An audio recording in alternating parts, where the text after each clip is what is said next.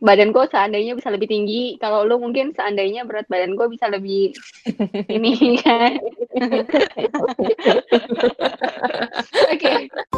everyone you meet is fighting a battle you know nothing about Terkadang masalah terasa berat dan kamu merasa lonely sampai kamu tahu kalau kamu gak sendiri.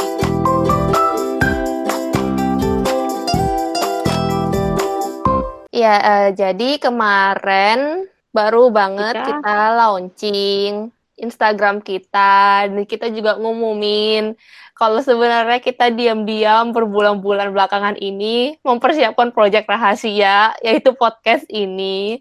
Dan kita makasih banget buat semua DM yang masuk buat komen-komennya juga. Banyak banget. Kita udah buat berusaha support. supportnya juga. Thank you iya, banget Iya, terus juga kita nerima banyak banget feedback-feedback dari kalian. Thank you banget semuanya. Nah, kita hari ini bahas apa nih di episode 6? hari ini kita bahas topik yang apa ya dibilangnya umum lah wajar kayaknya semua orang pernah mengalami walaupun kayaknya banyak kan cewek yang mengalami sih karena ada hasil penelitiannya apakah itu yang dinamakan setiap bulan itu Bukan Bon, Netflix yang 100 Human. Kayaknya referensi dari lu apa dari gue ya? Aha. Uh-huh. Yang kalau cewek menilai dirinya di depan kaca, itu dia akan kasih dirinya nilai berapa. Dan ternyata ketika dia rata-ratain tuh standar lah menganggap dirinya 7, 8 yang biasa aja lah gitu kan. Uh-huh. Sedangkan ketika cowok ngelihat dirinya di depan cermin, itu tuh mereka menilai dirinya 10, 11 malah kalau bisa. mereka menilai diri mereka sendiri di depan kaca versus mereka dinilai sama orang lain dan bergilir 100 orang gitu loh. Hmm. Lu kayaknya harus nonton deh itu Netflixnya. Dan ternyata emang itu gue yang kasih coy. gue lupa, gue lupa Bon sebenarnya dari lu atau dari gue. dari gue. Kayaknya, tapi kalau kayak yang hening ini gue connect apa nggak connect ya? Gue lagi menunggu lu selesai bercerita. iya, kayak gitu. Jadi dari hasil penelitian itu yang gue simpulkan adalah ternyata cowok itu lebih pede ya daripada cewek dan lebih ngelihat dirinya di depan cermin kayak kasih nilai dirinya tuh tinggi gitu. Oke, berarti ini ngomongin tentang penilaian diri kah? oh, salah satunya juga gue rasa cewek itu jadinya menilai dirinya di depan cermin lebih enggak setinggi cowok karena mungkin dia sadar bahwa ada beberapa kekurangan di dalam dirinya dia yang kadang bikin kita insecure. Nah, hari ini topik kita bakal bahasnya soal insecurity ini. Kita mulai dengan apa sih insecure itu? Menurut lo apa insecure itu, Bon? Uh, udah kayak kuis sekolah.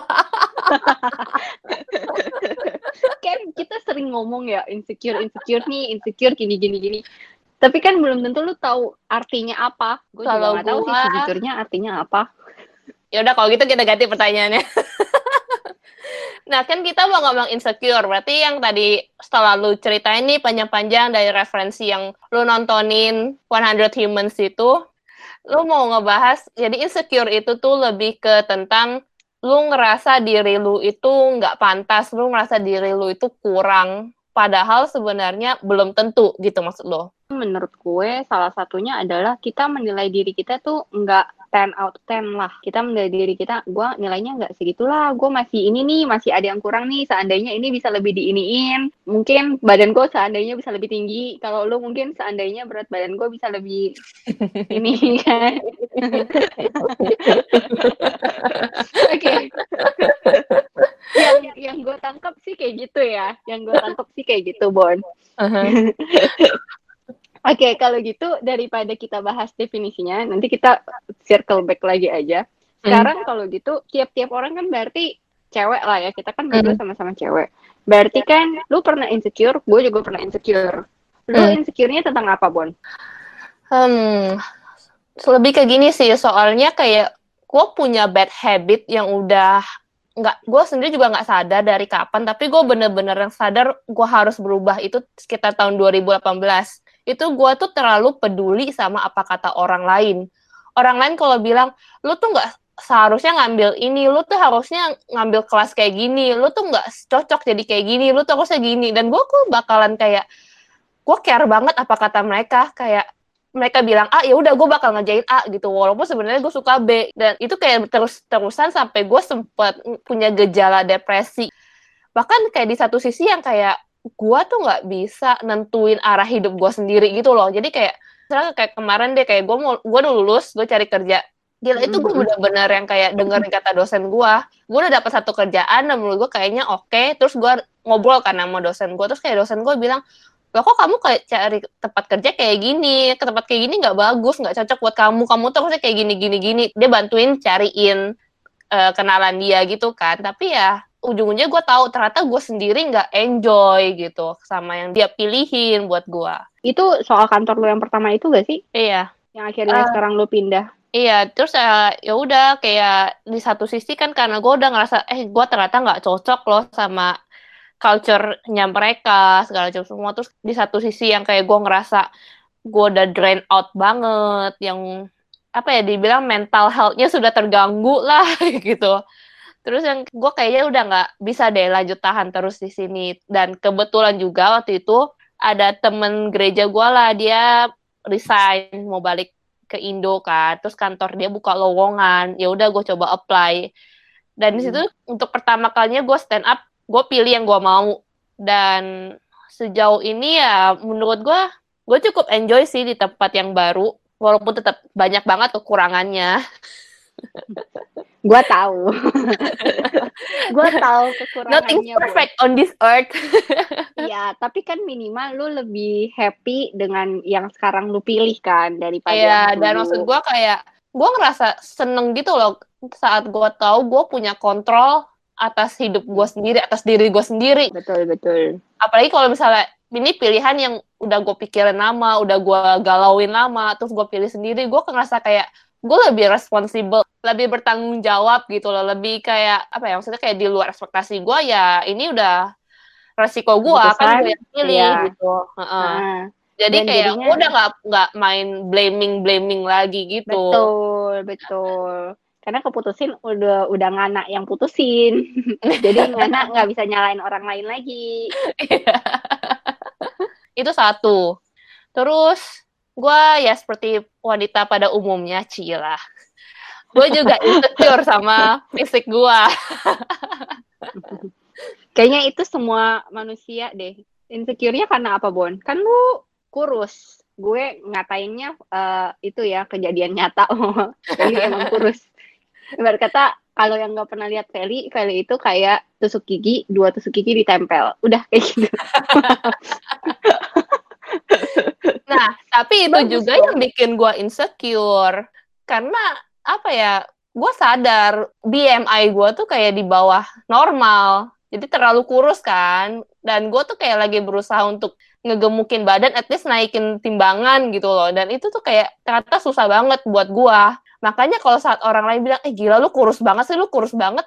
Ya sorry, mungkin buat orang lain dibilangin kurus itu adalah suatu pujian. Tapi buat gue gue dibilangin kurus gue ngerasa kayak lu nyindir banget sih.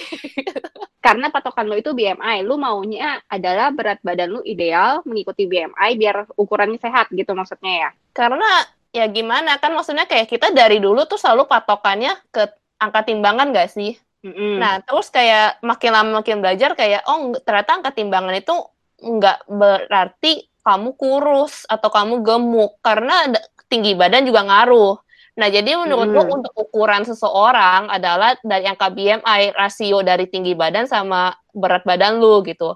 Ya walaupun kayak belakangan ini kan udah mulai banyak nih apa ya health influencers, fitness hmm. influencers hmm. yang ngejarin kayak apa harus muscle index, muscle mass. Gak tau gue, gue gak ngikutin yang kayak gitu-gitu, Bon. ya pokoknya kan ya sekarang kan aja banyak yang bilang ukuran lingkar pinggang yang normal segala macam berapa gitu yang itu baru sehat atau gimana gitu kan. Macam-macam ya, lah ukurannya kan. tapi kalau buat gua BMI itu cuma salah satu standar yang akhirnya ngebuat lu ngerasa kalau lu di bawah BMI gue kurang berat badan dan kalau orang ngomongin lu lu kurus banget sih. Lu malah jadi yang kayak lu nyindir banget sih gitu ya gue nggak bakalan sampai beneran lu nyindir banget sih. Gue cuma kayak ya udah gue menelan pil pahit. Tapi dalam hati gedek kan? Pertama gedek tapi lama-lama kayak ya udahlah mereka juga nggak tahu ceritaku. Tapi sebenarnya tuh lu ngingetin gue sama anak kantor gue. Itu dia cicinya juga tinggi dan dia kurus. Dan hmm. kurusnya dia itu kalau lu ya kalau seingat gua zaman masih SMA ya ibarat kata kalau gua pegang pergelangan tangan lu itu masih ada daging-dagingnya yang menyelimuti tulang-tulangnya itu loh. Menurut gue ya lu Bon. Itu kalau cicinya tuh lebih tinggi dari lu dan dia apa ya lebih kurus lagi kulit yang menutupi tulangnya itu lebih tipis lagi daripada lu Bon. Tapi maksudnya gue dia enggak yang insecure. Gue terlalu kurus nih gini-gini. Karena gue tahu dia makannya banyak. Dan gue tahu lu juga eh, makannya banyak. Kemarin pas video call tengah malam makan sandwich. Dan gue kayak yang di Feli di Indo jam 12 malam dan dia makan sandwich. Di Taiwan kan jam satu. Astaga nih anak bener-bener. Itu ya itu kan salah satu flexnya gak sih? Menurut lo lu ada gen gue nggak akan gendut mau gue makan jam berapapun. Gue makan Indomie tengah malam pun gue nggak akan gendut. Iya itu flexnya bersyukurlah lihatlah sisi positifnya Bon. Percayalah banyak orang yang mau kayak lu. Nah iya jadi satu sisi gue sadar akan privilege guanya ini dengan gue bisa hmm. bebas makan apa pun yang gue suka. Tapi kalau hmm. dipikir-pikir hmm. bisa juga karena gue lebih ke picky. Gue picky banget kalau makanan. Mungkin. Tapi yang cicinya yang tadi gue cerita itu tadi dia itu enggak insecure tapi dia malah kayak yang karena badannya dia itu kurus dia bisa jadi model bisa foto-foto. Kalau orang butuh photoshoot atau apa kadang dia yang dipanggil. Karena kan orang katanya sih kamera menambah sekian kilo di badan seseorang gitu. Jadi ya lebih apa namanya badannya ideal lah buat foto-foto kayak gitu. Oh, kalau gitu untuk koko-koko atau adik-adik fotografer di Taiwan yang butuh model boleh mencari saya. nah kan bagus. Jadinya lu jadikan sebagai tambahan uang, jadikan kelebihan itu bagus loh. Nah, kalau lu apa yang bikin lu insecure? Kalau gue fisik pasti. Kalau hmm. lu soal lu terlalu kurus, kalau gue soal apa ya pendek mungkin tapi gue udah berdamai dengan itu gue kayak yang ya ya udahlah mau diapain gue terima ini ini terjadi karena ketika gue kecil gue males lompat. Begitu aja intinya. Jadi gue terima ini sebagai hasil dari apa namanya kejadian di masa lalu itu. Kalau soal berat badan gue nggak terlalu yang gimana ya karena mungkin lama-lama lu kenal badan lu sendiri. Karena dulu gue pas SMP juga gue tuh timbangan nggak nyampe angka 40 pas gue SMP kurusnya ya ampun udah pendek kurus tuh kayak apa gitu kan. Terus nggak mau makan gue jadi nggak nyampe nyampe 40 sampai gue yang ketika masuk SMA gue bertekad nih pas liburan itu antara SMP SMA gue bertekad gue akan menambah berat badan 2 kilo dan ternyata berhasil dengan cara gue makan ngemil, duduk, tidur, dan dan repeat. Jadinya dengan kayak gitu, gue jadi kenal badan gue sendiri. Kalau gue merasa gue mulai gemuk nih, pakai celana panjang udah tek, hmm kenceng nih paha gue, berarti gue udah naik kayak gitu. Kalau misalnya enggak, ya berarti gue tinggal turunin, kurangin makan, kurangin ngemil kayak gitu. Jadi kayak lama-lama gue berdamai sih dengan yang namanya fisik ini. Biasa aja lama-lama mah. Tapi lu udah berdamai kan sekarang, Bon? ya gue berdamai dengan kurusnya gue ini. Soal sifat gitu kayak lu ada nggak kayak punya sifat atau mungkin lu punya bad habit yang berujung kayak lu insecure atau lu cuma insecure soal fisik doang? Kalau soal sifat ada gue. Uh, kalau lu itu terlalu mikirin apa kata orang, gue di satu sisi juga seperti itu. Tapi di satu sisi gue lebih ke apa ya? Gue ngeliat Instagram manusia-manusia hmm. sekarang tuh kayak yang hidupnya pada perfect perfect banget gak sih wow dia bisa jalan-jalan ke mana sedangkan gue di rumah aja terus dia yang bentuk badannya ideal lah tinggi pakai baju apa-apa modelnya bagus. Sedangkan gue ya pilih-pilih baju lah ya yang sesuai dengan bentuk badan gue. Kayak gitulah kurang lebih. Sebenarnya lebih ke efek dari media sosial ini sih gue rasa yang membuat gue kayak insecure gitu. Dan akhirnya gue lama-lama karena gue lihat IG story orang-orang kebanyakan materi yang dia share gue kayak gini loh. Makanya gue gini gini, kayak gitu tuh kayak banyak banget yang masuk ke otak gue sampai gue kayak yang meledak ini gimana ya kok media sosial yang harusnya bikin gue happy, bikin gue ibarat kata ngeliat progres orang-orang lain, tapi malah jadi bikin gue nggak seneng sama diri gue sendiri, bikin gue kayak hidup gue kenapa begini amat ya. Jadinya gue akhirnya mengurangi waktu buat nyekrol. Kalau misalnya udah diblokir waktunya ya sudah Terus sekarang gue jadi jarang lihat IG story orang-orang, lebih ke kayak yang lihat yang gue pengen lihat aja ibarat kata informasi-informasi kayak banjir atau apa yang gue lihat aja yang kayak gitu sisanya udah enggak gue nggak mau urusin hidup orang dia mau update ya udah gue harus sadar bahwa media sosial itu adalah potret orang yang paling baik yang dikasih lihat ke orang lain. Sedangkan kita, kita kan nggak tahu di balik layarnya tuh seperti apa gitu. Lu ada nggak kayak, misalkan ada berapa orang yang bilang kalau emang lu nggak suka, lu unfollow aja. Karena menurut gue, gue juga sedikit banyak agak-agak insecure juga dari sosial media kan. Dan cara gue hmm. adalah gue nge-unfollow akun-akun yang menurut gue mengganggu, yang menurut gue nggak berguna, hmm. apalagi yang kita saling follow tapi nggak pernah ngobrol, nggak pernah komen, nggak pernah saling like gitu. Lu ada cara gini juga nggak? Um, unfollow sih sejauh ini kalau masih temen, gue kayaknya daripada unfollow, gue banyak kan gue mute. Jadi IG story-nya gue mute, postnya gue mute daripada lu numpang di feed gue gitu kan. Jadi gue mute aja, gue nggak lihat itu. Tapi sebenarnya ya Bon, di Netflix ada dokumenter juga kan terkait soal media sosial ini yang namanya The Social Dilemma itu. Kayak ngumpulin kreator-kreator dari media sosial, either Facebook atau Instagram atau Twitter atau apa. Dan mereka tuh cerita, yang paling gue ingat adalah dia bilang tombol like itu di Instagram, itu fungsinya sebenarnya adalah untuk spread kindness kita membagikan bahwa oh ternyata foto lu bagus ya, gue like lo ini fotonya kayak gitu untuk positivity membangun orang lain. Tapi mereka nggak pernah tahu bahwa pada akhirnya impact ini bikin orang jadi yang ketika fotonya like-nya lebih dikit daripada orang lain tuh bikin kayak yang, oh ini kan karena gue terlalu gendut nih, ini karena angle-nya terlalu kayak gini nih, ini angle-nya kayak gini gitu. Ya mereka nggak pernah menyangka sampai seperti itu, makanya diangkatlah dokumenter ini soal the social dilemma ini. Gue kayak, oh wow, gue baru tahu itulah fungsinya like Nah, mungkin biar bikin orang gak insecure, lebih ke harus filter ngomongnya kita nggak sih? Kayak nggak yang ketemu, kali kan, eh lu kurus banget, gue kayak peluk tengkorak deh. Ya kan, nggak gitu juga. Bilang aja kayak, kok kayaknya bajunya lebih longgar gitu. gue sangat tidak jago mewording kata ya. Nah, ini juga yang sebenarnya apa ya isu yang seru sih dan gue sering banget ngebahas ini entah di blog gua atau mungkin apa ya artikel-artikel gua, gua selalu mempertanyakan ke mana hilangnya apa kabar. Iya nggak sih? Kenapa lu ketemu orang lain kayak, eh kok lu, lu kurusannya, eh lu gemukan ya, eh kok lu jerawatan, kenapa nggak dengan kata-kata klise, kata-kata klasik, halo apa kabar, lama nggak ketemu, halo apa kabar, kita udah lama nggak ngobrol gitu loh. Halo, apa kabar? Cuacanya bagus sekali hari ini. kayak textbook dari buku bahasa Inggris.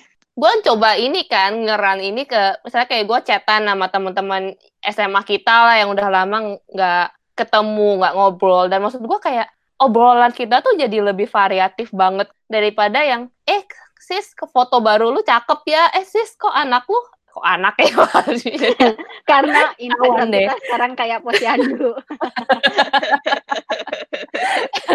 iya terus atau enggak misalnya ada temen yang baru lahiran gue bilang eh halo congrats ya anaknya cakep deh terus mulailah karena gue udah ngebahas anaknya kan terus dia bakal mm -hmm. ceritain ya ibu mana sih yang nggak bangga dengan anaknya sendiri gitu loh mm -hmm. Coba bandingkan dengan kalau dia baru melahirkan terus bilang kok lu gemuk banget sih Lu kayak ya, langsung namanya, diblokir deh. ya namanya habis melahirkan, oncom. iya kan. Maksud gue kayak the next time kalau lu ketemu orang, daripada lu ngomongin tentang kondisi fisiknya atau postingan dia yang paling terakhir, kenapa nggak nanya apa kabar dia? Dan uh, sewaktu gue jalanin nanya apa kabar ini ke orang-orang, gue baru menyadari ternyata banyak orang yang dengan mudahnya ngomong baik-baik aja, padahal sebenarnya belum tentu atau mungkin bener-bener baik-baik aja tapi kenapa lu nggak mau ngomong lebih? Lu cuma ngomong oh, oh gue baik-baik aja lu gimana? Terus gue balas oh iya gue juga baik-baik aja. Terus percakapan selesai gitu. Kenapa nggak kayak ditanya lu apa kabar? Oh iya ini gue kemarin baru jatuh nih terus lutut gue agak lecet gitu. Terus kan maksudnya kayak topik bisa berkembang kayak hah lu jatuh di mana? Oh udah diobatin. Eh gila lu harus hati-hati lo belakangan banyak virus uh, bakteri tetanus atau maksudnya kayak topiknya tuh lebih ngembang lagi gitu loh nggak perlu melulu ngomongin badan lu kondisi fisik lu gitu Walaupun misalnya lu nggak ada topik, dunia ini tuh punya banyak sekali topik. Contohnya lu bisa aja bahas COVID kan. Maksudnya gue kayak, gue sekarang kalau ngobrol sama orang-orang, membuka percakapan tuh selalu ngomongin tentang Betul. COVID. Semua orang bakal nanya, eh di COVID di Taiwan gimana? Atau gue bakal Hmm. nanya lagi, lu gimana? Lu WFH Hmm. atau enggak? Gitu-gitu.